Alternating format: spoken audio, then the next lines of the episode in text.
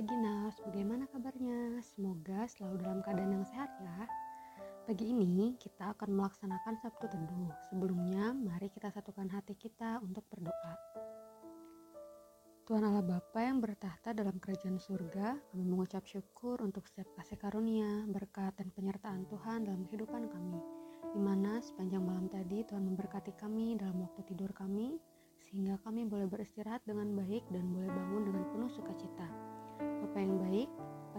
ini kami akan melaksanakan Sabtu Teduh. Kiranya Engkau berkati firman Tuhan dan juga renungan yang akan kami dengar, agar dapat menjadi pedoman dalam kehidupan kami. Kami adalah orang yang berdosa ya Bapa, kiranya ampuni kami agar kami layak di hadapan-Mu. Di dalam nama anakmu, Tuhan Yesus Kristus, kami telah berdoa dan mengucap syukur. Amin. Firman Tuhan yang akan kita dengar pada pagi hari ini diambil dari Mazmur 143 ayat 1 sampai 12. Mari kita baca bersama-sama. Doa minta pertolongan dan pengajaran. Mazmur Daud. Ya Tuhan, dengarkanlah doaku Berilah telinga kepada permohonanku, jawablah aku dalam kesetiaanmu demi keadilanmu. Janganlah berperkara dengan hambamu ini, sebab dia di antara yang hidup tidak seorang pun yang benar di hadapanmu. Sebab musuh telah mengejar aku dan mencampakkan nyawaku ke tanah, menempatkan aku dalam gelap seperti orang yang sudah lama mati. Semangatku lemah lesu dalam diriku, hatiku tertegun dalam tubuhku. Aku teringat kepada hari-hari dahulu kala, aku merenungkan segala pekerjaanmu, aku memikirkan perbuatan tanganmu. Aku menadahkan tanganku kepadamu, jiwaku haus kepadamu seperti tanah yang tandus, selah. Jawablah aku dengan segera ya Tuhan, sudah habis semangatku. Jangan sembunyikan wajahmu terhadap aku, sehingga aku seperti mereka yang turun ke liang kubur. Perdengarkanlah kasih setiamu kepadaku pada waktu pagi, sebab kepadamulah aku percaya. Beritahukanlah aku jalan yang harus kutempuh, sebab kepadamulah kuangkat jiwaku. Lepaskanlah aku daripada musuh-musuhku ya Tuhan, padamulah aku berteduh. Ajarlah aku melakukan kehendakmu, sebab engkaulah Allahku. Kiranya rohmu yang baik itu menuntun aku di tanah yang rata. Hidupkanlah aku oleh karena namamu ya Tuhan, keluarkanlah jiwaku dari dalam kesesakan demi keadilanmu. Binasakanlah musuh-musuhku demi kasih setiamu, dan lenyapkanlah semua orang yang mendesak aku, sebab aku ini hambamu. Tuhanlah pertolonganku. Cara manusia menghadapi masalah dan hal-hal yang mengancam dirinya merupakan sifat yang membedakan manusia dengan ciptaan yang lain. Manusia dengan akal budi dan pikirannya menentukan pilihan untuk keluar, menghadapi, atau menyerah. Sebagaimana tujuan semua manusia yakni bisa mencapai kedamaian dan rasa nyaman.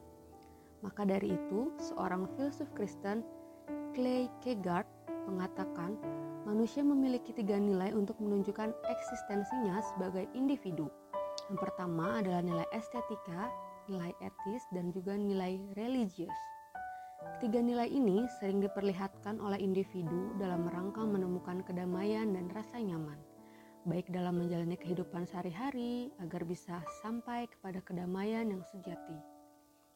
Dalam proses yang dialami oleh seorang individu, dia akan mencoba hal yang menyenangkan, indah atau estetis, atau mencari pembenaran dengan logika, intelektual, yang dapat dimengerti secara akal pikiran atau etis, untuk pencarian akan kedamaian itu sendiri. Namun, dari kedua nilai tersebut, manusia akan jatuh pada kekecewaan, sehingga manusia harus sampai pada tahap terakhir untuk menemukan ketenangan yang sesungguhnya.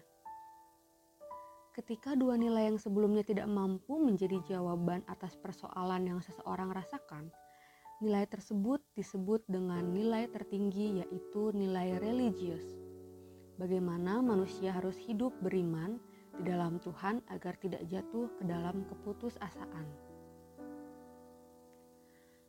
Hal yang sama diperlihatkan melalui pengalaman dari pemazmur dalam kitabnya.